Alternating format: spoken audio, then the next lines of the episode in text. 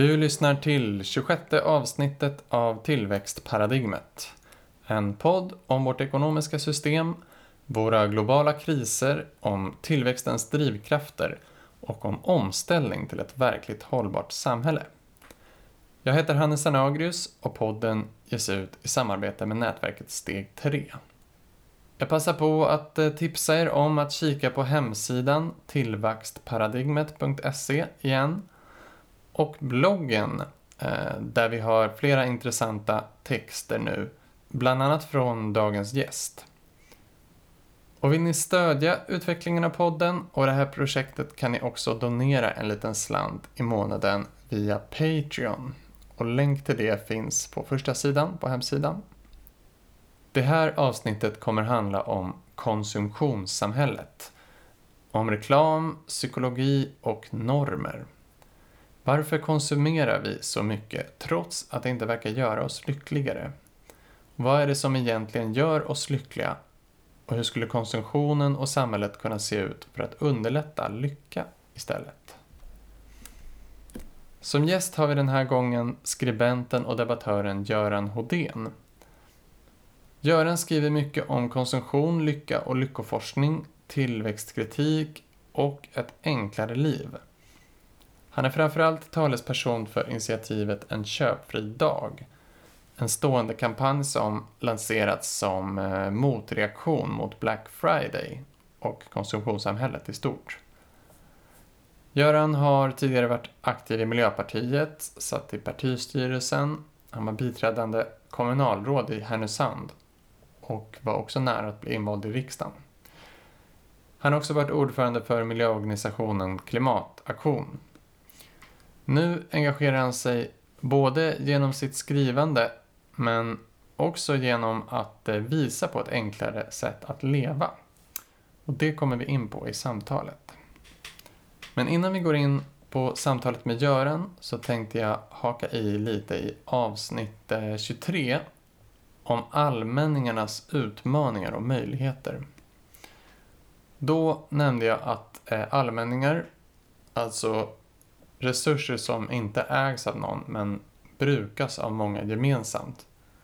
Att det är problematiskt på stor skala och särskilt global skala om man då inte har ett tydligt system av lagar eller avtal och regleringar. Just nu, kanske tack vare den världsomskakande pandemin, men också på grund av klimatkrisen, så verkar det som att de mäktigaste och mest inflytelserika staterna i världen kanske sakta börjar vakna upp och inse att allmänningarna behöver regleras. För haven och de ekosystem som överexploateras där, eh, mest på grund av överfiske, så håller man i FN på att förhandla fram ett globalt havsavtal där många länder har skrivit under att 30 procent av världshaven ska skyddas till 2030. Men sen behövs ju också kontrollmekanismer och sanktioner för att skydden ska ha effekt. I avsnitt 23 nämnde jag också skatteflykt som en allmänningarnas tragedi. Det problemet kan eh, nog lättare beskrivas som ett kollektivt dilemma. En eh, budgivning där alla stater budar under varandra för att locka till sig kapital och multinationella bolag och deras investeringar. Men där alla stater förlorar på den här budgivningen och det man brukar kalla race to the bottom. Och den mest extrema formen är ju skatteparadis av olika slag som har minimala skatter. Det ekonomiska värdet och vinsten i ett bolag är ju uppbyggt dels av många människors arbete, dels av naturresurser och naturens gratistjänster Dels av eh, ansamlat privat kapital men också offentligt kapital och investeringar. Statliga investeringar i infrastruktur, renhållning, utbildning, säkerhet med mera. Med tanke på allt värde som stater och dess befolkning lagt ner på det här och allt värde som exploateras från landets natur för att skapa de här värdena så kan man ju tycka det är rimligt med en viss nivå av bolagsskatt på vinster. Nu har de ekonomiskt mäktigaste länderna i G7-gruppen alla ställt sig bakom Joe Bidens förslag om en global minimiskatt på 15% för företag. Det här förslaget ska nu konkretiseras i juli, hur det ska fungera tekniskt. Vi kan säga att 15% inte är direkt någon hög siffra. Som jämförelse kan vi ta Sveriges bolagsskatt på 21% som har sänkts flera gånger och eh, är lägre än i flera andra länder som till exempel USA där bolagsskatten ligger på 27% Sen finns det andra skatter och regler som gör det att det inte blir helt lätt att jämföra länder emellan. Men 15% kan man säga ändå är ganska lågt. De allra flesta privatpersoner betalar ju mycket högre skatt till exempel. Men samtidigt är 15% högre än bolagsskatten i många skatteparadis. I Bermuda till exempel, där Google bokför flera hundra miljarder i vinst, där är bolagsskatten noll till exempel. Och förutom golvet på 15% och förutom golvet på 15% ska multinationella bolag också få oss med det här avtalet att eh, betala skatt i det land där de säljer sina produkter. Idag står ju många bolag skrivna i skatteparadis där de inte alls verkar. Och det här är ju en ganska stor sak. Eh, e EU-länder förlorar till exempel i snitt 20% av skatteintäkterna har man räknat ut från eh, att bolagsskatten går till skatteparadis. Den kända nationalekonomen Gabriel Sackman intervjuades i DN om det här. Han har handlats av Thomas Piketty och bistått många amerikanska politiker. Han har skrivit eh, boken The Triumph of Injustice How the Rich Dodge Taxes and How to Make Them Pay. Gabriel pratar om ett paradigmskifte. Jag citerar. Kanske är vi precis i början av en annan typ av globalisering än den vi har känt de senaste 40 åren. Den kräver att vi uppfinner nya former av samarbete och nya institutioner som kan reglera denna globalisering. Men jag ser det som att vi kan vara i början av ett nytt kapitel. Gabriel har i en studie räknat ut att EU-länderna, om de kom överens om en minimi bolagsskatt på 25 procent skulle kunna samla in intäkter som motsvarar 1 procent av alla länders BNP. Eller mer än alla EU-avgifter. En både kanske positiv men också problematisk vinkel på det här är att jag tror att många politiska ledare nog inser att om de ska kunna finansiera alla de här enorma stimulanserna och investeringarna som man har lagt i och med pandemin och den ekonomiska krisen men samtidigt hålla befolkningens skatter nere så måste de kunna dra in eh, mycket mer från den ekonomiska eliten. Och om det är så att ledare tänker så är det ju ett positivt skifte för den väldigt brutala ojämlikheten i världen. Men det grundar sig också, tror jag, i en tillväxtsträvan där man vill hålla uppe befolkningens köpkraft och kunna fortsätta med stora statliga stimulanser av den ohållbara ekonomi som vi har idag. Vaccin mot covid-19 är också en typ av allmänningarnas tragedi eller ett kollektivt dilemma. Varje land tjänar på att köpa upp så mycket vaccin som de kan så snabbt som möjligt. Och det är ju vad rika länder har gjort. Långt fler vaccindoser än antal individer i befolkningen. Men om alla länder gör så här blir ju många länder utan vaccin. Och viruset fortsätter spridas och utveckla nya mutationer. Det är ju det som händer i Afrika just nu. Och de här mutationerna tar ju sig även in i de rikare länderna. Och till slut riskerar vaccinet inte att skydda längre. Så det här är en utveckling som man kortsiktigt kan vinna fördelar på men som vi alla långsiktigt förlorar på. Produktionen av vaccin ligger ju i händerna på ett fåtal läkemedelsföretag och skulle deras patent hävas skulle fler kunna producera de här vaccinen och vaccineringen i världen skulle bli både billigare och gå snabbare. Idag har många fattiga länder knappt satt igång med vaccineringen medan USA till exempel köpte upp tre gånger fler doser än sin befolkning. Patentskyddet regleras av lagstiftning och internationella avtal, framförallt genom Världshandelsorganisationen, WTO. Förra året föreslog Indien och Sydafrika, som ju drabbas hårt av pandemin, till WTO att patent mot covid-19 skulle slopas för att snabba på produktionen av vaccin. Och initiativet fick stöd från ungefär 100 länder och från organisationer som Läkare utan gränser och Världshälsoorganisationen, WHO. Biden-administrationen i USA har till slut gett med sig och ska nu verka för att patentskyddet upphävs. Även en majoritet i EU-parlamentet vill upphäva patentskyddet. De flesta svenska partier var dock inte för det kan sägas. I slutändan ska det dock röstas igenom i WTO. Två motargument mot det här vanliga argumentet att eh, då läkemedelsbolag inte skulle vilja investera i nya vaccin om patentskyddet upphävs är ett, att massor av miljarder har ju investerats från stater och från EU i forskning. Så där, pengarna kommer ju inte bara från läkemedelsbolagen. Och dels att flera av forskarlagen initialt ville att vaccinen skulle spridas utan vinst och utan patentskydd.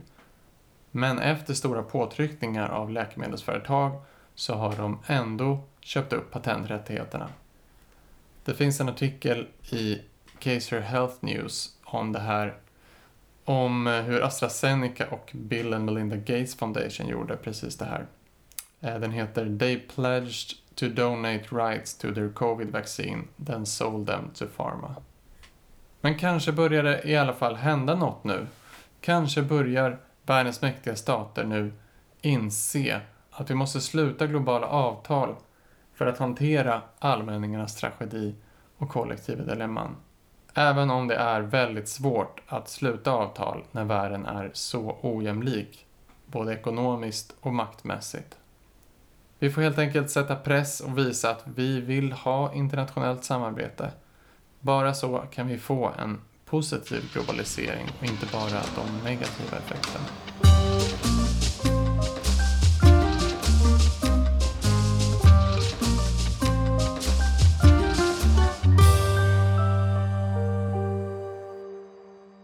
Det var det.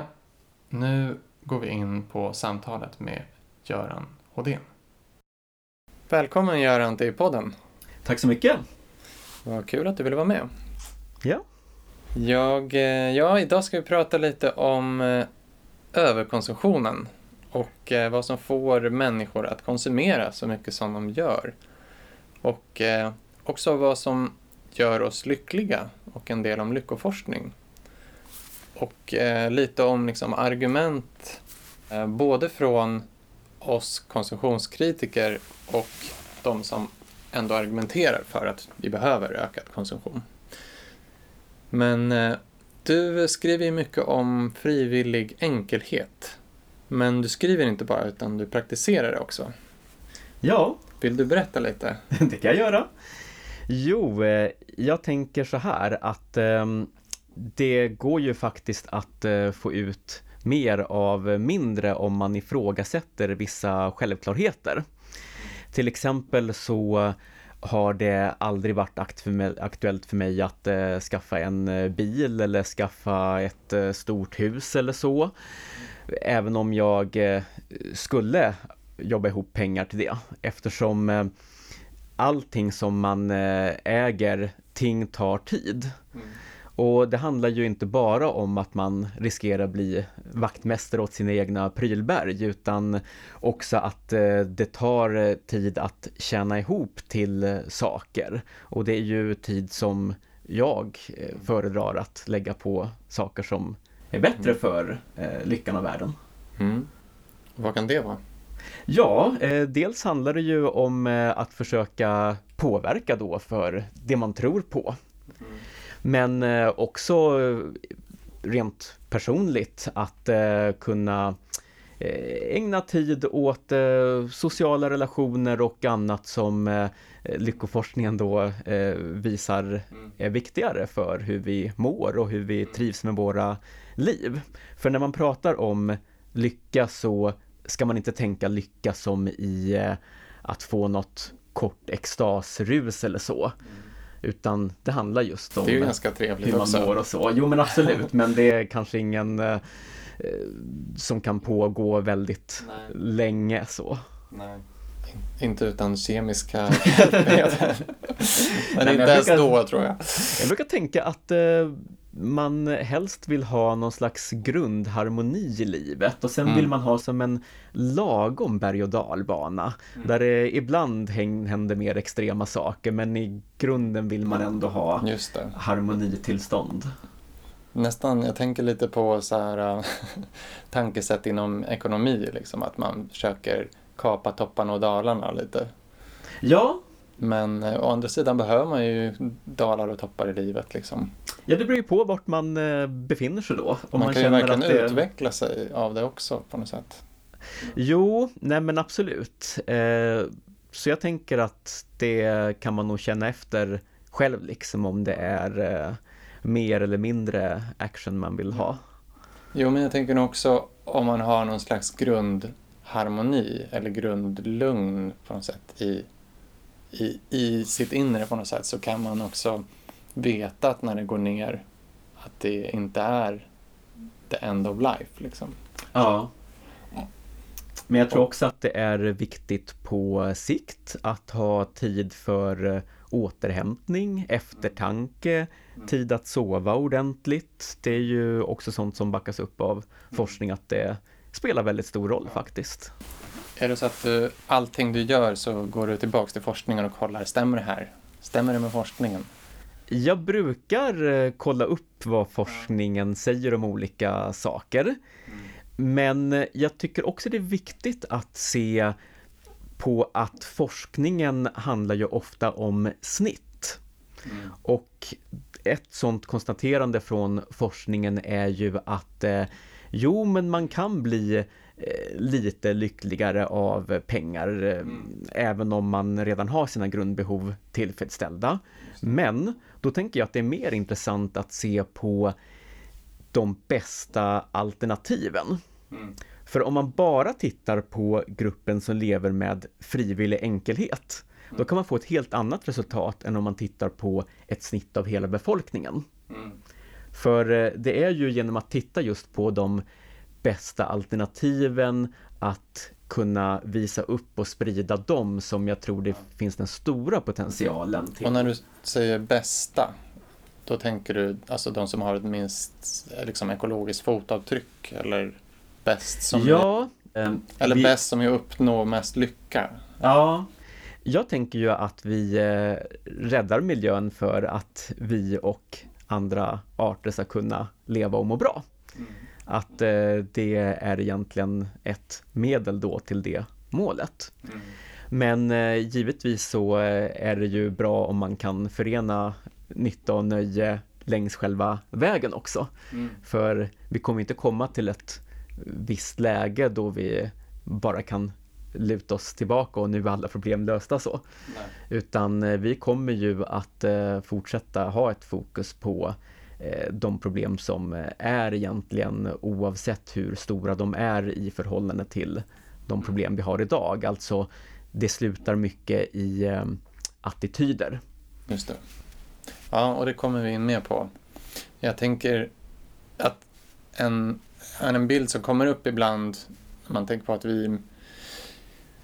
Ja, om, om man pratar om omställning i form av konsumtionskritik eller att vi ska liksom ta bort, många tolkar det som att vi tar bort saker då.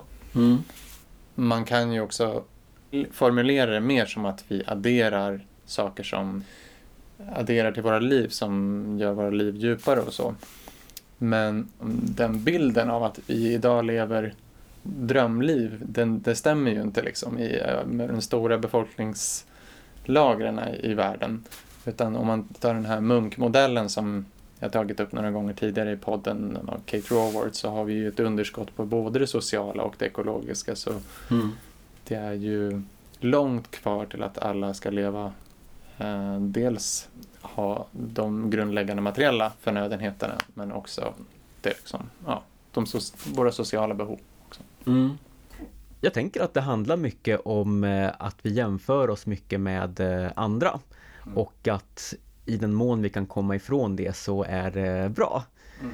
Man kan ju ehm, se att på olika sätt så är det ju bättre än någonsin idag, till exempel när det gäller eh, möjligheter i eh, sjukvården mm. och eh, att vi lever på ett sätt som inte ens kungar hade möjlighet till mm. förr för att det inte fanns den teknik som vi har tillgång till idag. Mm.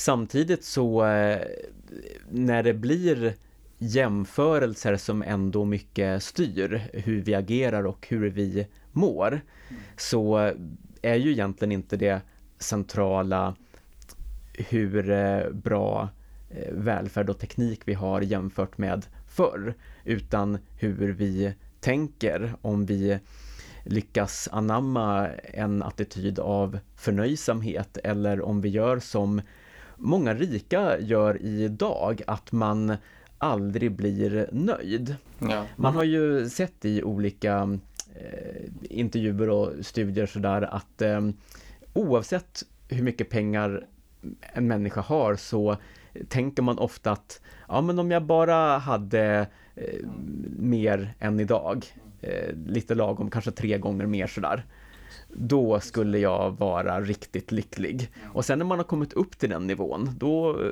flyttar man Flyttar man perspektiven, ja. Så att, eh, Men det gäller ju även de som har mindre pengar. Jag tänker också gräset grönare liksom. Mm. Men framförallt om man är för att kunna bli rik så behöver man ju också anamma lite av den attityden. ja. På sätt och vis. Man kan ju, alltså det är mycket rikedom är ju ärvd rikedom och så vidare men det är ju lite i de sociala kretsarna och för att liksom ja, ta sig upp karriärsmässigt så behöver man ju ha ett sånt liksom tankesätt lite grann. Mm. Så då kan det vara svårt att komma ur det och faktiskt tänka att nu har jag kommit fram dit jag ville. Liksom. Ja, det går ju också att eh, utveckla sig på olika sätt. Mm. Man kan ju eh, till exempel eh, bygga på sina upplevelser eh, mer än sina pengar. Mm. Och eh, man kan ju ofta hitta upplevelser på enklare och närmare håll än man tänker. Mm. Att det finns ju mycket bilden av att nu är det semester, eh, då ska, eh, om man har råd då så ska man, man ge sig iväg på någon lång flygresa och ofta baserat då på tanken om det bästa ögonblicket. Kanske ögonblicket då man sjunker ner i den varma sanden och bara mm. njuter. Mm. Men mot det så kan man ju ställa då till exempel all den arbetstid som det tog att tjäna ihop till allt det här. Eh, hur eh, den eh, långa resan och annat känns jämfört med om man kanske skulle spridit ut det här till små lyckoboost-grejer mest varje dag. Sen tänker jag också, har man liksom förmågan också att ta in det där ögonblicket när man väl är där i sand och ska lägga sig ner i sanden om man har en sån livsstil som väldigt mycket är att eh, man tänker ett, längre fram i tiden och man tänker eh, saker som man ska uppnå hela tiden så är det svårt att faktiskt vara närvarande när man väl kommer dit. Liksom. Ja, absolut. Ja, men eh, ett sätt som du driver det här med frivillig enkelhet det är ju att du är talesperson för en köpfri dag. Ja. Vill du berätta lite vad en köpfri dag är? Ja, det är en eh, internationell dag mot överkonsumtion. Mm. Som eh, har eh, hållit på sedan 90-talet och ligger i november samtidigt som Black Friday då varje år. Mm. Och det är ju för att vara en motpol till det som skapar en konflikt som är väldigt medialt tacksam. Mm. Så eh, trots att vi gör det här helt ideellt så får vi ju en hel del uppmärksamhet som då kan leda till djupare diskussioner om överkonsumtion både i media och andra sammanhang. Så att eh, vi känner att det ger mycket att driva det här så att eh, det är någonting som eh, vi också gärna gör eh, tillsammans med eh, olika föreningar som vill mm. haka på. Just det. Och var uppkom den här idén om en köpfri dag? När? Ursprungligen från Kanada 92. Okay. Och sen så mm, har det ju varit olika länder som varit olika aktiva i olika skeden sådär. Mm. Men eh, det finns ju fortfarande en livskraft i det här. Mm. Och eh, det finns ju eh, mycket man kan göra mellan själva Eh, dagen också förstås. Vi eh, har ju... Eh, Mellan dagen eller alltså ja, rest, resten av året? Jag menar resten av året, precis. precis. att när det är någonting så skriver vi ju på våra ja. sidor och sådär, mest blogg och mm. Facebook och det finns ju för inte så länge sedan till exempel så var det ju den så kallade Overshoot Day för Sverige. Mm. Där eh, vi så att säga gjort slut på den hållbara delen av de resurser vi kan förbruka för i år fastän det bara är april. Vi har förbrukat så mycket resurser som naturen eller planeten kan äh, återgenerera till oss. Liksom. Ja, i runda slängar. Kan man säga. Ja. Mätt i markarealer va? Ja, alltså man får ta de här beräkningarna med en ja. nypa salt, men ungefär mm. eh, nu. Det är samma beräkningar egentligen som man brukar säga att eh, det skulle behövas fyra jordklot eh, mm. om alla levde som vi i Sverige. Så det är ju ett av skälen till varför vi driver det här, men som vi tidigare har varit inne på också så handlar det ju dels om eh, välmående. Och det handlar om att ting tar tid. Och eh, den fjärde vanliga aspekten handlar ju också om att eh, när man har en eh, norm om att man ska eh, konsumera det senaste och mycket så blir det ju väldigt tufft för de som inte har ekonomiska resurser att hänga med i det här. Man till och med skuldsätter sig för att kunna konsumera lika mycket som eh, andra och det handlar ju om Eh, allt ifrån barn till vuxna då som... Eh, ja, och särskilt i Sverige. Vi är ju ja. ett av de absolut mest skuldsatta vad gäller privat, privat skuldsättning i, i världen. Mm. Mm. Så okej, okay, så ni, ni driver liksom ett opinionsarbete. Men är det året runt då? Är det riktat till privatpersoner mest? Eller riktar ni också er mot politiken? grunden är ju förstås eh, individen i själva dagen då som går ut på att man inte ska konsumera under 24 timmar.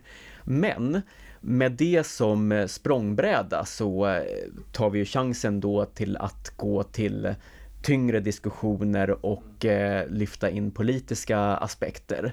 För när man har sparat pengar antingen kortsiktigt under en köpfri dag eller mer långsiktigt som många har gjort nu under pandemin. Mm. Då gäller det ju att man eh, försöker använda dem till någonting bra i fortsättningen så att mm. det inte bara blir en konsumtion som sker lite senare. Och där kan man en rekyleffekt kan man också kalla det då. Absolut. Och eh, där kan man ju se att eh, det finns vissa grundläggande sätt man kan eh, tänka på. Eh, jag skulle säga att när man liksom säkrat sina egna grundbehov och sin egen eh, buffert mm. då har man ju en möjlighet att eh, dela med sig, vilket också är bra för lyckan.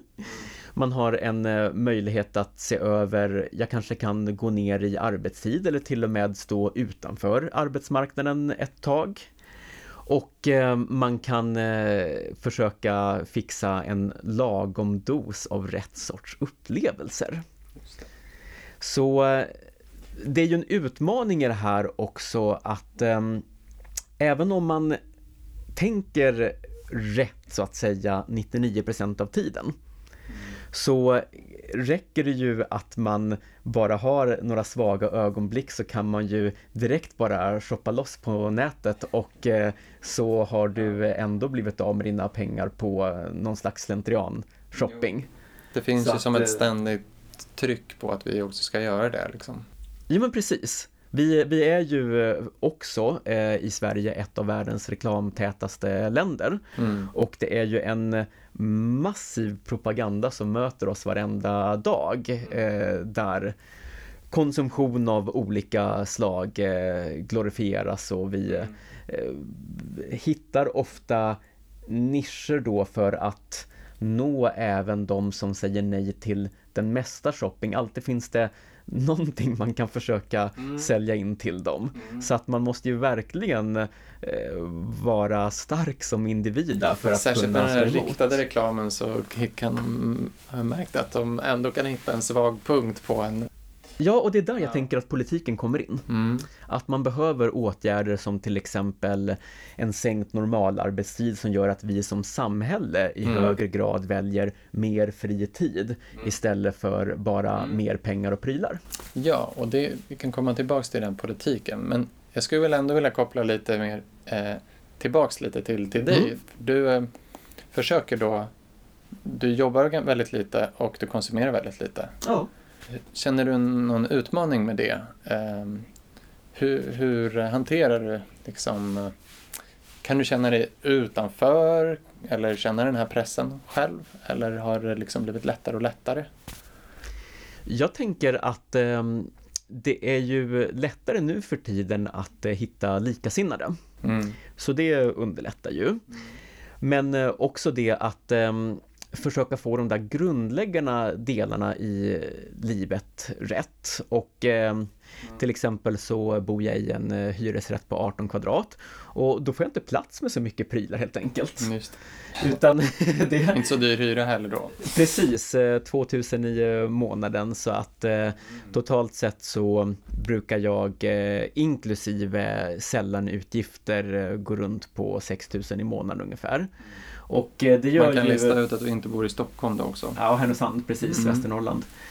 Det gör ju också att jag eh, väldigt långt ifrån behöver jobba heltid. Utan det räcker ju att jag jobbar lite grann ibland så eh, klarar jag de här utgifterna. Och det här är ju någonting som många inte ens tänker på, än mindre vågar pröva på att gå den vägen. Men eh, det kan ju eh, många vittna om att det faktiskt går att trivas väldigt bra så. Och då tror jag nästan det är enklare att man eh, som ung person aldrig vänjer sig vid den här högkonsumerande livsstilen, aldrig skuldsätter sig och går in i ekorrhjulet utan ser på de goda exempel som finns. Man kan ju hitta likasinnade via frivillig enkelhet, eh, downsizing, minimalism och så vidare. En, en gemenskap så liksom. Ja, och där har man också kunnat se något intressant i att eh, det har ju eh, blivit eh, populärt med eh, vissa eh, sätt att eh, leva och eh, hantera prylar och livsstil och sådär som inte har med miljö att göra men som eh, kan leda då till att man eh, minskar ner sina prylar och när man väl har gjort det då anammar man även miljöargumenten för att försvara det sätt man nu lever på. Just Så eh, själva gärna för... förändringen kan komma före attityden. Just det.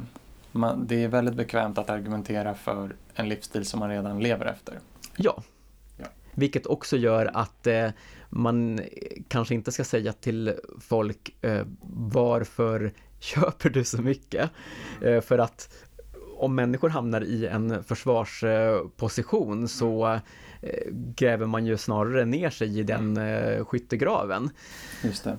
Så att eh, jag tror mycket mer på att eh, bara existera som ett levande exempel på att det går att tänka och göra annorlunda. Det kan i högsta grad påverka människor. Men för att få till det här på samhällsnivå så är det ju ofrånkomligt att vi behöver politiska beslut som styr mot ett samhälle där vi prioriterar mer fri tid istället för mer pengar och prylar självklart balanserat med åtgärder för eh, jämlikhet så att eh, fattiga ja. har tillräckligt. Men jag tänker att i vårt samhälle att det finns också mycket liksom, eh, hinder för att vi ska kunna göra de valen eller svårigheter. Tror, det är ju fullt möjligt att göra det förstås, men jag tror, inte, jag tror många längtar efter kanske att leva enklare, vara mindre uppbunden till, till saker och så.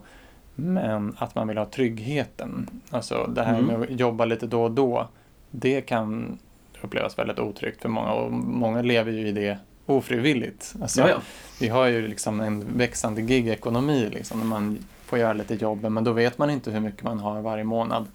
Hade man, ja, hade man en, en tryggad inkomst så hade det ju varit så mycket lättare att kunna downsiza eller leva enklare. Liksom. Helt klart. Och var och en behöver ju utgå från eh, sin livssituation. Eh, mm. Det är självklart inte möjligt för alla att bara över en natt börja leva som jag gör. Mm. Utan det är ju något som bygger på eh, vilka möjligheter som finns i mitt liv. Men mm. alla kan ändå fundera på vilka steg i en sådan riktning man skulle kunna mm. överväga. Och då är en tumregel att man kan förändra mycket mer än man tror. Mm. Jag trodde ju inte innan jag flyttade in på 18 kvadrat att det skulle vara någonting jag trivs bra med. Jag tänkte det var för litet. Men man vänjer sig så snabbt. Och nu så är det inga problem alls. Mm. Behöver man inte bil i Härnösand då? Nej, alltså jag skulle säga att eh, särskilt nu med eh, elcykel så finns det ju stora möjligheter att eh, spara tid på att inte ha bil. Mm. För precis som jag var inne på tidigare med eh, att man kanske väljer en semesterresa för man tänker på det bästa ögonblicket så eh, väljer man också bil utifrån att man tänker på de mest extrema ögonblicken. Mm. Eh, och om det är någon gång då man till exempel ska frakta en kanot eller du kanske måste åka jättelångt dit det inte finns möjlighet att ta sig realistiskt på annat sätt. Då har du ju eh, ändå möjlighet att eh, till exempel hyra en bil just då. Mm. Du kan till och med åka taxi och du kommer ändå att spara massor av pengar jämfört med att mm. du äger en bil hela tiden. Mm. Jo, det är rätt kostsamt. Kanske i framtiden också att eh, det är lättare att liksom självstyrande bilar eller bilar som du kan liksom boka. Ja, vi får se. Vi får se. Ja. Mm.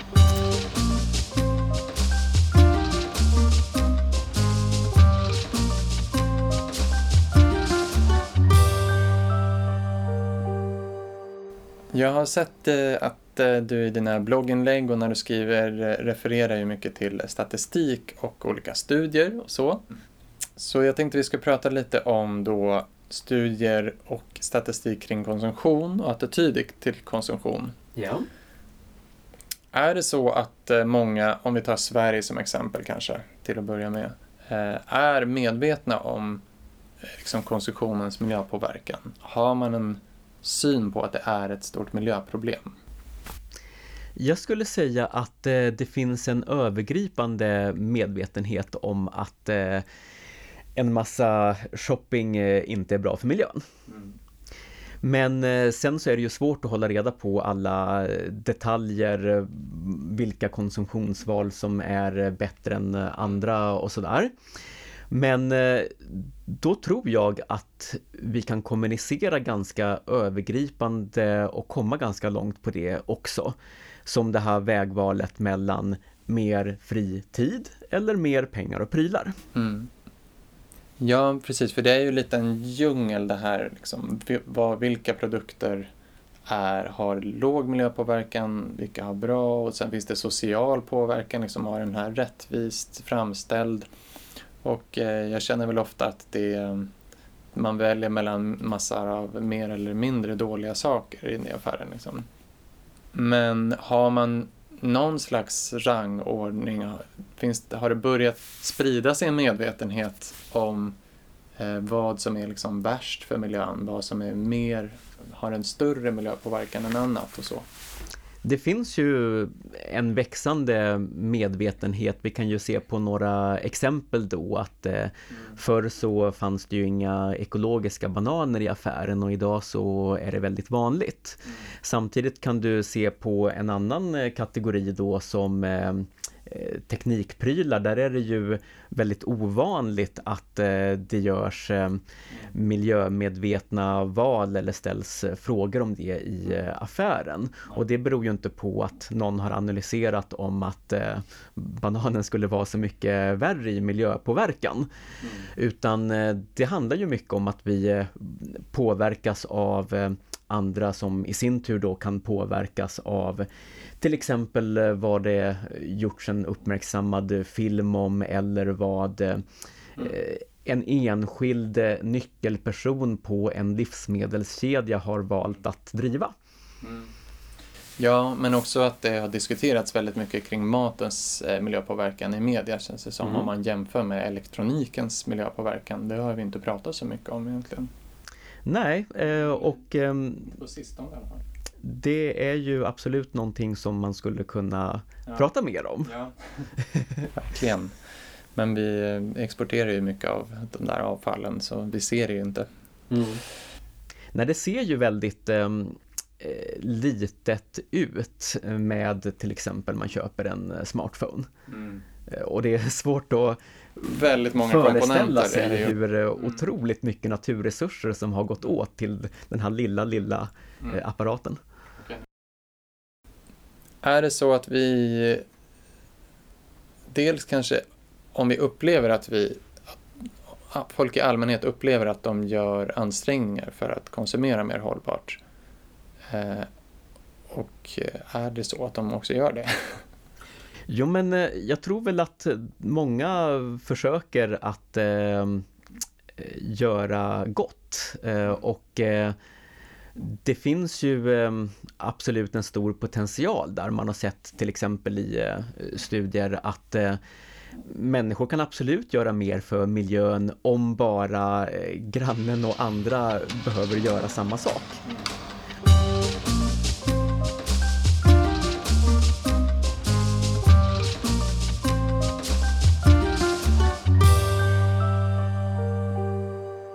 Då tänkte jag att vi skulle gå till den, eh, liksom, den psykologiska eller socialantropologiska forskningen som tittar på liksom, drivkrafterna i konsumtion.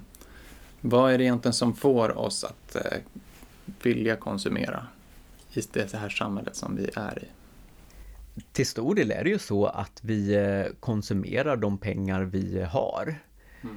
Så eh, det finns en tydlig koppling mellan hur hög lön man har och hur mycket man konsumerar. Det är den enkla förklaringen liksom. Ja, det, det är huvudgrejen faktiskt. Man eh, kan se till exempel eh, ur miljöperspektivet då att eh, den som lever miljövänligt i vardagen och till exempel cyklar och äter vegetariskt och så vidare kan känna sig eh, förtjänt av en extra flygresa sen för att kompensera så att säga.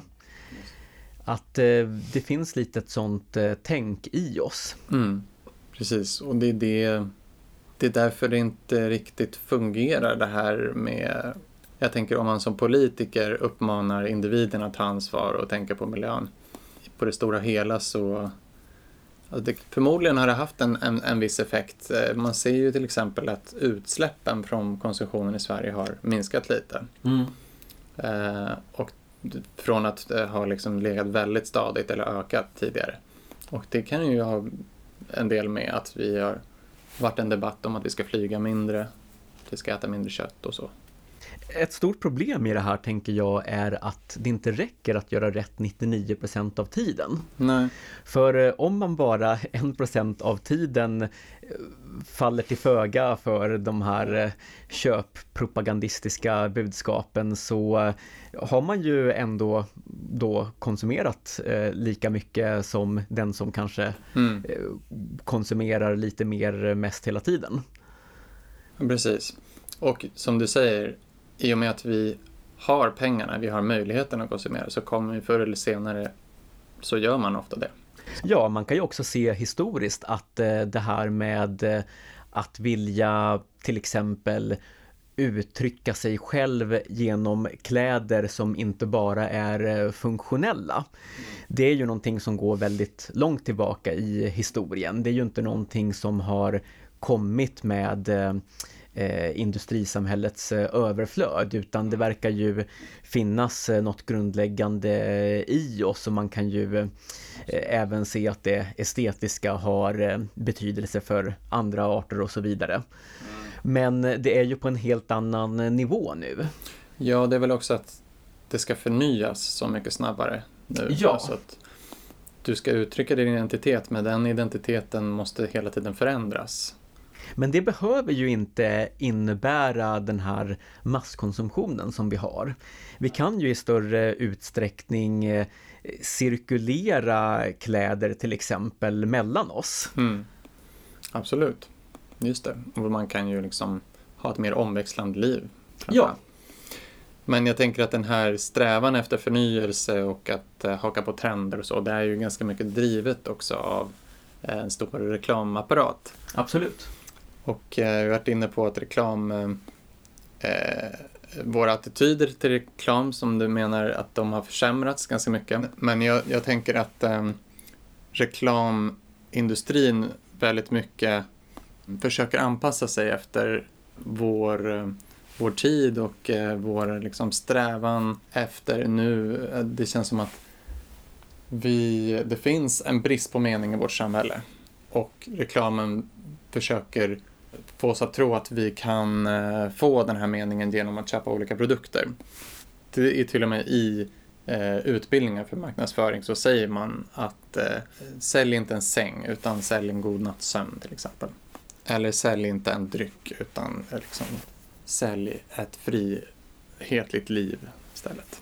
Ja, det finns ju en stor kunskap och skicklighet i reklambranschen och mm. stora resurser också i att eh, hela tiden utveckla sig ännu mer just mm. för att eh, komma åt då även de som säger nej till 99% av det som erbjuds. Precis. Och eh, ja, men det blir lite en, en, en paradox också det här att reklambranschen kanske hävdar att eh, det är att informera om olika produkter och att det är um, att syftet med reklam är att informera om produkter och, eh, men, men också har man en föreställning om att, att det är en konkurrenssituation mellan olika företag, de försöker vinna marknadsandelar och eh, visa på att min, vår produkt är bättre än, än, än er produkt då ska det också liksom driva utveckling.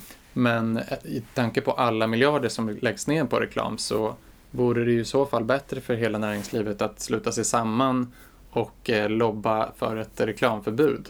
Det skulle ju de spara massor av pengar på och eh, göra egentligen större vinster.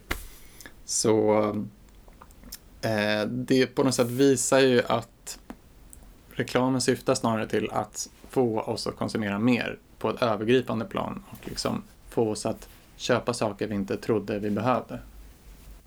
Ja, jag tror ju också att eh, reklamen kommer att eh, utvecklas mer nu på så sätt att eh, den blir eh, ännu mer eh, träffsäker i och med eh, den här ehm, otroligt stora informationen som finns om oss som individer som gör att man kan hitta då den här kanske enda produkten som du var intresserad av att köpa utöver de du redan visste att du var intresserad av. Ja, men man märker lite, det tycker jag med den här riktade reklamen, att eh, man, ja, man känner sig verkligen inte sugen på, inget som helst behov av att köpa något och så lyckas det ändå komma någon liten annons flim, flimrar förbi på Instagram som ändå så här väcker någonting inom en liksom. Ja, nej men eh, därför tror jag ju på eh, att vi behöver eh, lösa det här på ett övergripande plan där vi gör det valet som samhälle att prioritera mer tid istället för mer pengar och prylar. Mm. För det kan ju komma hur mycket reklam som helst men om det finns inte så mycket möjligheter till konsumtion eller eh, skuldsättning som verkar lockande så mm. mynnar det ändå inte ut i konsumtion. Mm. Samtidigt så kan man ju på olika sätt ha en marknadsföring av sånt som faktiskt är viktigt för oss på riktigt. Mm. Det är nästan eh, svårt att tänka sig eh, omfattande sådana alternativ men det finns ju inget i sig som eh, säger att vi inte skulle kunna bygga ett sådant samhälle. Mm. Men då kanske vi kan lista ut det själva, vad vi behöver. Jag tänker med internet och all eh, data som finns och hur lätt man kan jämföra olika saker så, så skulle man ju verkligen kunna få objektiv, bra information om ja, absolut. alla produkter och det finns ju mycket sådana tjänster redan. Liksom. Ja. Eh, så jag ser inte riktigt att reklam har någon samhällsnytta så.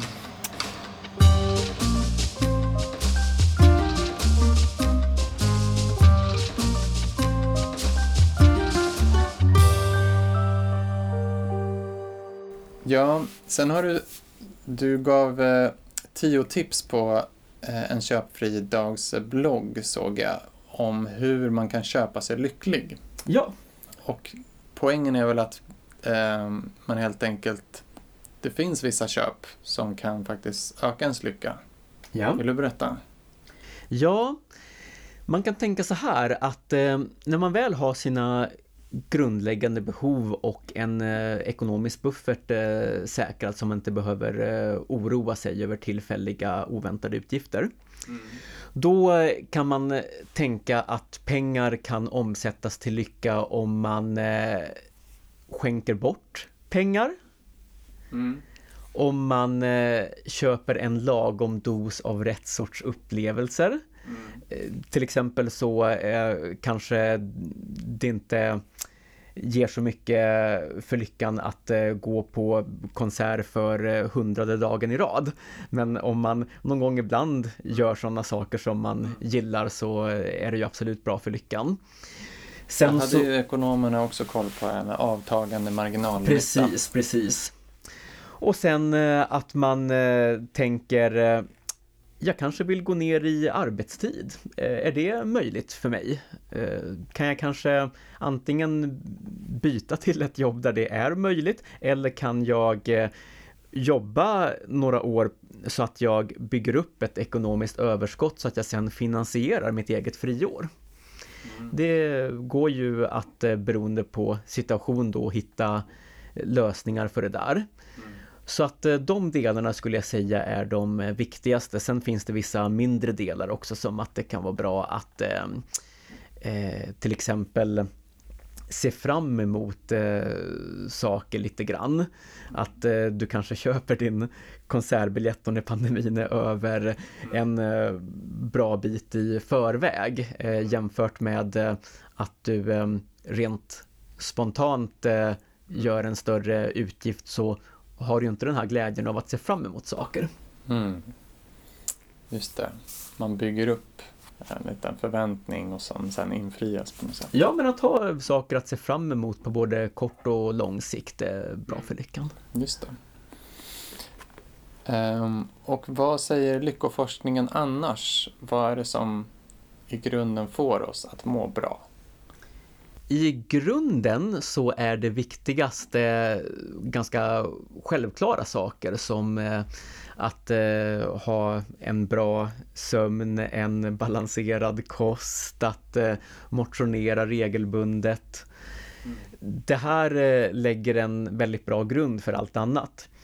Sen så beror det lite på hur man mäter lyckan när man har mätt genom att skanna människors eh, hjärnor efter mm. Eh, flöden av eh, lyckohormoner aktivitet i mm. olika hjärncentra och sådär. Då är det skickliga mediterare som har utklassat alla andra. Mm. Och det är ju som en motpol då till den här högkonsumerande livsstilen att eh, bara sitta still och inte förbruka någon energi alls egentligen. Eh, utom det som hjärnan gör av med då förstås.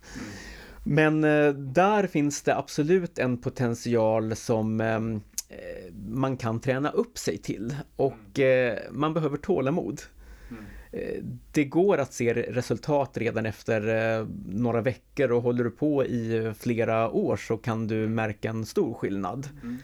Så det är absolut någonting att eh, testa på.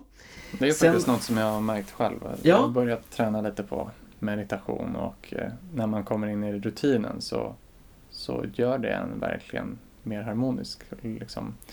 Det, ja, det, det, det gäller att hålla uppe det liksom. Men men jag tror att det skulle göra ännu mer effekt om jag höll på med det regelbundet under en väldigt lång tid. Liksom. Ja, man eh, kan också göra det enkelt för sig om man känner att man inte riktigt har, har ro eller tid. Att eh, bara någon minut liksom mm. här och var. Det är mm. samma sak som med eh, motion. Om man bara mm. kan klämma in någon minut här och var så mm. är det betydligt bättre än ingenting. Mm.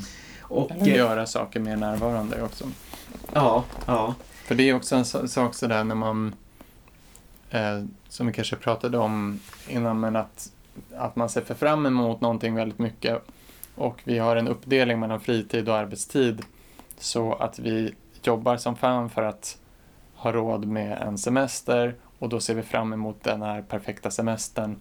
Men då är vi så inne i det här, hjärnan är inne i det här tänket att vi ska åt någonting i framtiden så det är svårt att vara vara här och nu liksom, när vi väl kommer dit.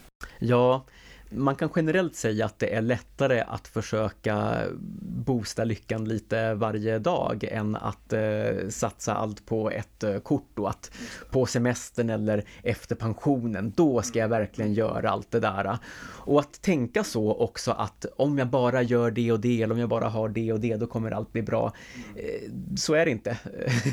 Utan eh, det är väl ehm, Eh, det kanske lite mer eh, oväntade fynden då i lyckoforskningen att eh, mycket av det här som vi tänker kring att saker ska vara på ett visst sätt. Alltså hur man har det är inte jätteviktigt. Hur man tar det är mycket viktigare. Om man har en förmåga som man delvis då kan träna upp, som delvis är genetisk men som handlar om att eh, kunna vara förnöjsam, att kunna vara tacksam, att eh, eh, agera vänligt, att eh, agera på ett sätt som eh, om du till exempel känner att du är på väg att bli arg eller eh, irriterad i en viss situation. Mm.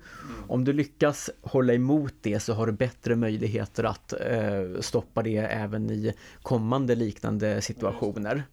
Så att eh, försöka på olika sätt tänka lika mycket på mental träning som fysisk träning mm. kan vara väldigt bra. Just det. Och då funderar jag på hur det ekonomiska systemet skulle kunna gynna de typerna av färdigheter. Ja, eh, vi har ju vissa möjligheter att marknadsföra eh, kunskap och eh, tankar genom eh, eh, skolan och mm. utbildningssystemet. Mm. Men eh, det är ju inte omöjligt att tänka sig ett samhälle där det på olika sätt främjas sånt på andra sätt också. Mm. Och ett indirekt sätt kan ju vara att om man i en framtid eh, lyckas eh, införa en basinkomst som gör att eh, alla har en grundläggande ekonomisk trygghet så kan man ju i större utsträckning välja att prioritera den typen av arbete som verkligen gör en positiv skillnad för en själv och ens medmänniskor mer än vad man mm. just nu eh, kan tjäna pengar på. Just det. Ja, jag har pratat lite om eh, Martin Hägglund, filosofens eh, bok. Han är mycket inne på det också, att vi ska skapa ett samhälle som ger oss den friheten att kunna välja den, det arbete eller den aktivitet som ger oss, som känns mest meningsfull för, för just mig. Liksom. Ja. Så det är väl, um, borde ju kanske vara ett mål för ekonomin, att snarare än att man ska att matcha varje person så att det skapar så mycket produktivitet som möjligt. Ja. Och liksom, för vem skull då? Så snarare kanske man borde matcha folk där de verkligen känner att de hör hemma och där det känns som du gör det som känns mest meningsfullt för dig. Ja, i den mån man kan eh, testa nya idéer i eh, stort och smått så finns det ju sedan något mer konkret att eh, sprida också mm. och eh, ses som ett reellt eh, alternativ. För i mycket så är det svårt att idag riktigt se alternativen både som individ då, hur man kan leva sitt liv på annat sätt. Men eh, också som eh, samhälle som eh, vissa säger då att det är lättare att föreställa sig mänsklighetens undergång än undergången för det här konsumtionssamhället som vi har. Men det är ju absolut ingen omöjlighet att leva på ett annat sätt. Nej, och det är ju lite av en parentes i världshistorien också. Det här extrema konsumtionssamhället som vi har. Ja.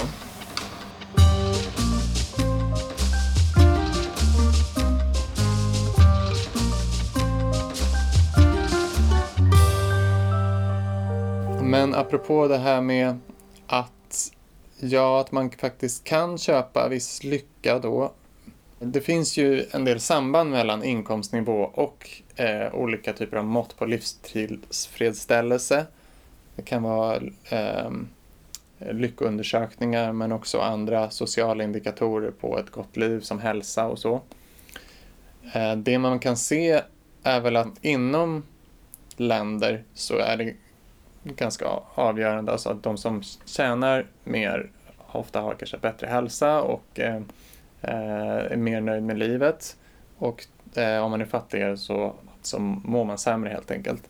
Men om man jämför länder mot varandra så verkar inte den här genomsnitts, genomsnittsinkomsten är liksom bara viktig upp till eh, en ganska låg nivå. Alltså de riktigt fattiga länder där, där uppger folk att de mår sämre. Mm. Eh, men när man har fått sina grundläggande behov tryggade så är det någonting annat. Och då är det ju ett väldigt starkt samband mellan jämlikhet och eh, många sociala mått som eh, tillfredsställelse med livet och hälsa och medellivslängd och så. Så man kan säga så inom medel och höginkomstländer så mår rika bättre än fattiga, lite förenklat. Men alla mår egentligen sämre i ett ojämlikt land än i ett jämlikt land. Även de rika. Ja, inte varje individ, men eh, alla som helhet. Alla som helhet, precis. Mm. Så det, det, det, det är stora skillnader som har med inkomst att göra. Men på en liksom aggregerad nivå så mår alla sämre när det blir mer ojämlikt. Och då kan man ju liksom fråga sig vad, vad det här beror på. Mm. En, en, en bok som tar upp det här är ju Wilkinson och Pickets Jämlikhetsanden.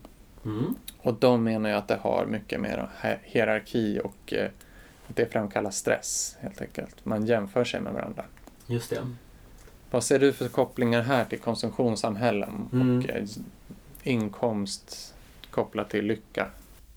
Ja, eh, så länge som vi levde på det sättet att eh, de flesta var småskaliga jordbrukare, man levde ungefär som grannen levde, det fanns inte så mycket att vara avundsjuk på. Eh, då kan man ju eh, samtidigt också tänka att det spelar roll att de som ändå levde på ett annat sätt upplevdes som ouppnåeliga.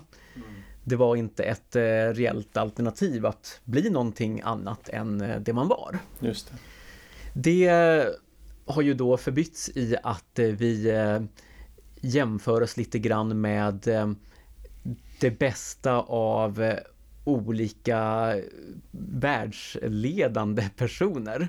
Alltså man kan tänka att eh, jag är inte lika bra på att spela fotboll som Zlatan, jag är inte eh, lika bra på att eh, eh, göra musik som Beatles, jag har mm. eh, olika brister då liksom jämfört med de som vi nu möter i media och eh, reklam påminns om eh, hela tiden som samtidigt verkar uppnåeligt. Mm. Vi hör ju den här eh, historier i stil med eh, Ja men Zlatan var en vanlig kille från Rosengård som kunde ta sig upp och eh, bli den här eh, superstjärnan. Mm. Och ehm, Du kan bli vad du vill. Vi har ju många tv-program som handlar om det. Mm. Och, Man blir matad av det med ganska mycket också i olika framförallt mycket så här barnfilmer och ja. mycket som är riktat till barn är att du ska kunna bli vad du vill. Liksom. Ja, och då är det ju lättare att känna sig eh, missnöjd då med mm. sin eh, lott. När man inte och, blir bäst. ja. Det är inte så många som ehm, marknadsför att man ska skriva ner saker man är tacksam för för att stimulera sitt tacksamma Nej. tänkande. Utan det är ju de här till stor del omedvetna jämförelserna uppåt. Man har ju också kunnat se i eh, studier att eh, om människor eh, kollar på bilder av eh, andra människor som upplevs som snygga så känner man sig mindre nöjd med sig själv och sin partner efteråt. Mm. Och eh, det där är ju eh, lite grann som en eh, olyckomaskin då, när vi har ett sånt upplägg att vi så ofta fastnar i att till exempel scrolla bland idealiserade mm. Instagram-bilder och så. Visst. Jag tror att de, Wilkinson och Pickett är mycket inne på också att man jämför sig med den som är lite över en. Alltså det är inte bara den här idealbilden utan att det är mycket någon man kan relatera till. Det kan vara att vem ens kollega tjänar får en bättre lön än en själv. Då, ja, då blir det en väldig liksom, stress och man känner sig miss helt plötsligt en, en lön som man tidigare var liksom jättenöjd med mm. eh, känner man sig missnöjd med nu. Mm. Och att det liksom eh, i undersökningar så är det mer så här en löneökning eh, kan upplevas som väldigt positiv men det är egentligen inte själva nivån på löneökningen utan det är liksom att du blir bekräftad att du har gjort ett bra jobb. Mm. Så att du får en bekräftelse från din, din chef att du har gjort ett bra jobb. Eh, om du till och med känner bättre än de andra, då blir det extra bekräftande. Liksom. Mm. Men det har väldigt mycket med jämförelse och det sociala att göra snarare än vad, hur mycket pengar du har. Liksom. Ja. Nej men eh, där kan man ju också se att eh, redan bland eh, små barn så är ju inte det viktigaste hur mycket man får utan hur mycket man får jämfört med den som sitter bredvid. Exakt. Och man har även sett i försök med apor och så att man är beredd att få mindre för egen del bara den bredvid får lika mycket som en själv. Mm. Så att eh, det är ju uppenbarligen ett, eh, mm. en väldigt stark eh, drivkraft i oss med rättvisa och avundsjuka. Ja, verkligen och det sitter nog ganska evolutionärt också att det har varit viktigt liksom, i flocken att dela lika också. I, när ja. det har varit jägare och samlare och sådär. Tror du att man genom normer, att förändra normer kan åstadkomma hållbarare konsumtion. Är det en eh, framkomlig väg eller ett bra sätt att starta en större omställning? Ja, det vet vi ju redan att det fungerar. Mm. Eh, till exempel när man i eh, oljekriserna på 70-talet införde ransonering så då visste man ju att man skulle klara det man hade satt upp för eh, man hade ju liksom låst taket så att säga. Eh, mm. Och sen fördelat eh, rättvist då. Mm. Och eh, samma sak under eh, andra världskriget med olika varor, att man ransonerade. Men då var det ju en politisk åtgärd först och sen kanske följde normförändringar. Men kan man göra det tvärtom, att man börjar med att försöka förändra normer för att sen väcka en opinion Eh, kring att vi måste göra förändringar i konsumtion, vi måste göra politiska beslut? Ja, alltså det har ju um, om vi ser det historiskt då så um, det finns ju också andra exempel på eh, politiska ingrepp då som eh, ändrat människors attityder. Några exempel är ju ehm, eh, rökförbud på krogarna där eh, det först fanns ett folkligt motstånd men eh, när den politiska beslutet eh, kom så ändrades också människors attityder. Eh, samma sak när det gäller eh, misshandel av barn. Eh, det fanns det ju ett folkligt stöd för förut. Och det är ju liksom otänkbart idag mm. för de allra flesta. Mm. Så det är ju en väg att eh, politiken... Det är återigen det här att man, eh, det är väldigt bekvämt att eh, rättfärdiga det beteendet man redan har. Liksom. Ja. Och det andra är ju då att det sker eh, förändringar som eh, har väldigt lite med politiken att göra. Och där kan vi ju i eh, våra tider då till exempel se hur det blivit mycket vanligare med eh, vegetarisk eh, mat eh, utan så mycket politiska beslut. Mm. Så normer kan ju förändras både med och utan politik. Mm. Och eh, man har ju sett eh, att det varit en liten minskning i, i eh, utsläppen från konsumtion i Sverige från att ha legat väldigt still eller ökat. Och det beror väl mycket på att man kanske har ja, man äter mindre kött. Man, det har pågått en debatt kring att eh, vi ska flyga mindre. Så det, normer har gjort någon skillnad där, verkar ja. Eh, tänker du att eh, flygskam har ju blivit en, eh, ett sånt eh, nytt begrepp. Tror du att, eh, den, att känslan av skam är en, en positiv drivkraft? Både ja och nej. Om man tänker på det som ehm, ändå är grejen med skam så är det ju att eh, när man får en eh, känsla av eh, skam så gör ju det att beteendet anpassas. Och det kan ju ske i både positiv och negativ riktning. De där känslorna spelar egentligen störst roll i en övergång. Om vi tänker att eh, för bara några år sedan så kan man säga att normen var att eh, eh, om man flög så skröt man om det. Mm. Och nu så är det ju många som inte gör sådana statusuppdateringar, alltså det såg vi redan innan pandemin på sociala medier och så. Och i framtiden kan det mycket väl vara så att normen är att eh, fly, flyga, det är någonting man bara gör om man verkligen eh, måste. Mm.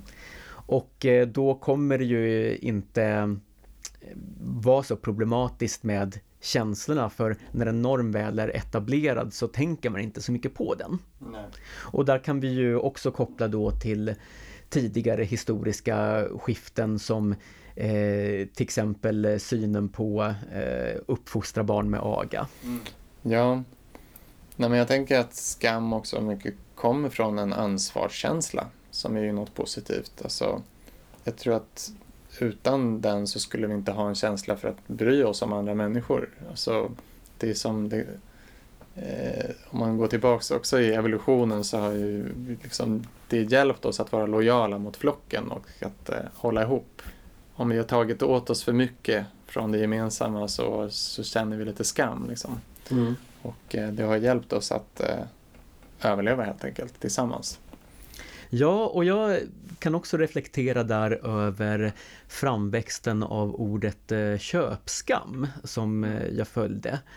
Där eh, jag plötsligt läser då i artiklar att ehm, personer då som själva tjänar pengar på överkonsumtionen säger i media att miljörörelsen vill ha köpskam. Mm. Och det var liksom första gången jag mötte det ordet. Mm. Bara, jaha, vill vi det?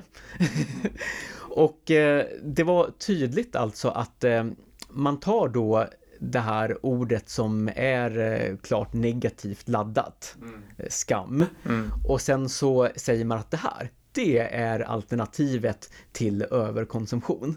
Mm.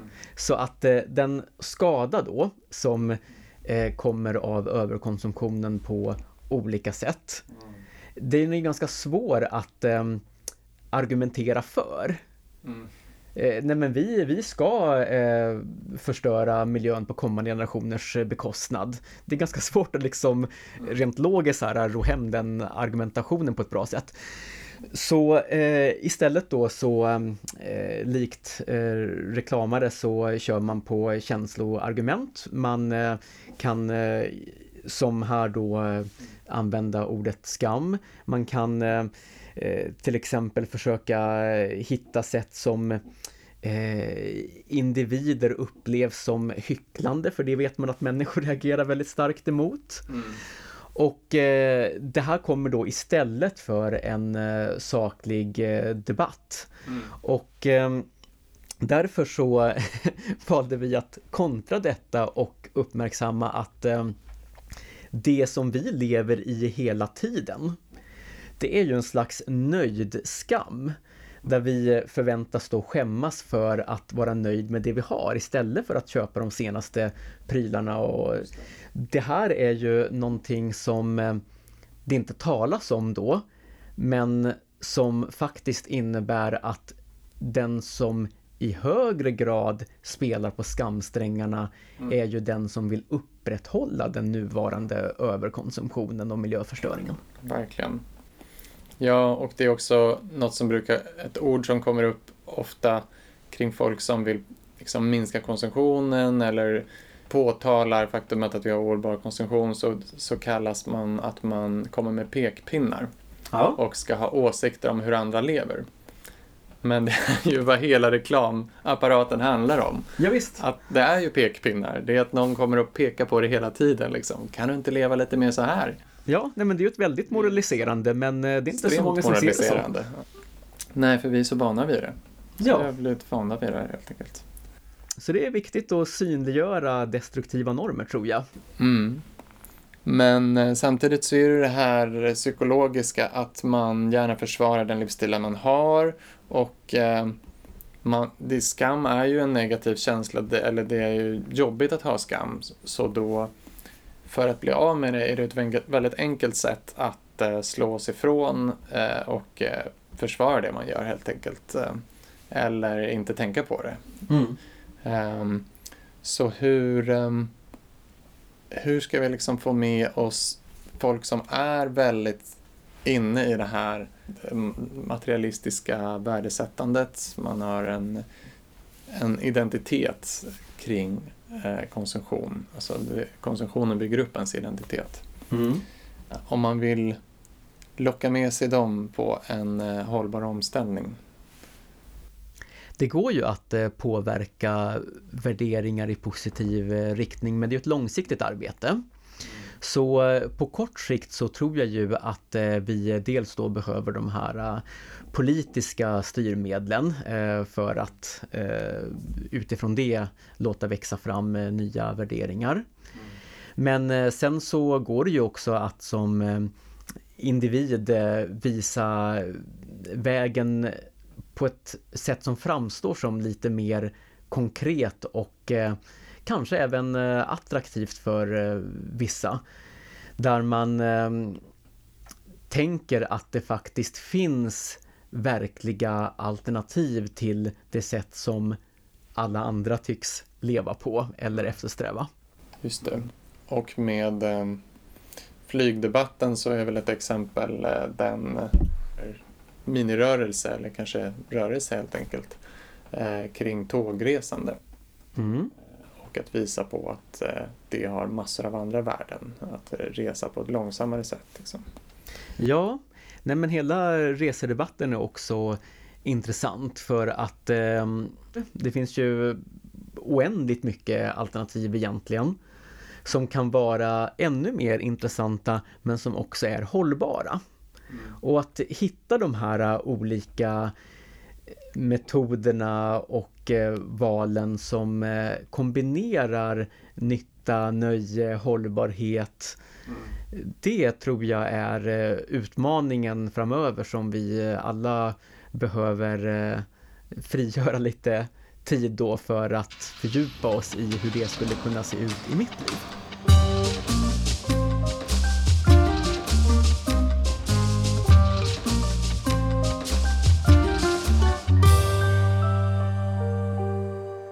En sista fråga då om um, ska gå lite tillbaka till det ekonomiska systemet så är ju ett vanligt argument som man möter då om man är konsumtionskritiker är att eh, ja, men eh, hur ska det då gå med arbetslösheten om alla slutar konsumera? Vad brukar du svara på, på det? Ja, om man eh, tar ett lite längre historiskt perspektiv mm. så var det ju väldigt länge så i mänsklighetens historia att man såg det som positivt om man kunde minska på mängden arbete. Idag så har det där eh, vänts till att eh, eh, åh, vi har för lite arbete, då får vi hitta på arbete. Mm. Men när man eh, konstaterar då att människor som är arbetslösa i eh, snitt mår sämre än andra så tycker jag att man ska titta på varför det är så. Och då kan man ju se att det är vissa saker som följer av arbetet som är de delar som egentligen leder till välmående men som också går att uppnå på andra sätt. Till exempel eh, gemenskap, alltså känsla av mening, samhörighet, eh, ekonomisk inkomst och så vidare. Och eh, ett enkelt sätt att göra framsteg är ju att helt enkelt eh, sänka normen för hur mycket vi ska arbeta. Om vi delar på jobben så kan ju dels fler komma in i någonting som är arbete, få de här positiva delarna av det, men man kanske inte behöver göra det åtta timmar om dagen. Mm. Så eh, där tror jag att det finns en stor eh, potential i att eh, hitta andra sätt att eh, dela på fördelarna med mm. arbete. Och eh, sen så tror jag också att vi behöver se att ehm, om fler till exempel jobbar med reparationer så innebär ju det också nytt arbete. Men ett problem i den här omställningen då, om man ska försöka locka med den, är att människor vet vad de förlorar. Om man till exempel jobbar i fossilindustrin idag, mm. då vet man jag kommer att förlora mitt jobb om de här mm. eh, miljömänniskorna får bestämma. Mm. Sen kommer de att göra det i alla fall, liksom så här, men ja, det är mm. liksom så, så det känns som att det är de här miljömänniskornas fel. Ja. Eh, man vet vad man förlorar, men man vet inte vad man får eller om man ens själv eh, kommer att få något av de här nya jobben. Så även om de nya jobben är uh, ungefär lika många som de som försvinner i den gröna omställningen, lite beroende på hur man gör och så, så uh, är det ju uh, mycket mer så att det är tydligt vilka som är förlorarna. Mm. Det är betydligt mer otydligt eh, vilka som är vinnarna. Och det kan man ju också se från andra studier att vi människor fungerar så att vi värderar det som vi har betydligt högre än det vi kan få, även om det vi kan få är minst lika mycket värt som det vi har. Just det, det är, det är jobbigare att förlora tusen kronor än, att, än vad det är roligt att tjäna tusen kronor. Absolut. Så det är också viktigt att uh, ha med sig. Mm. Just det. Och eh, hur ska man locka dem då? Ja! Nej men eh, det behövs ju förstås eh, många olika delar i detta. Mm. Mm. Eh, det handlar ju om allt ifrån att försöka synliggöra alternativ och där tror mm. jag ju på att i mycket större utsträckning testa nya lösningar för att se hur det fungerar i praktiken och eh, göra mm. någonting synligt mm. eh, för människor att så här kan alternativ se ut. Och, eh, men eh, man kan också börja i den änden att fler konstaterar att ja, men den här omställningen kommer att ske vad vi än gör. Det Precis. finns inget alternativ som innebär att det som är kommer att förbli. Är det någonting vi vet om framtiden så är det att saker kommer förändras. Mm. Så vi vill snarare vara proaktiva än reaktiva. Ja.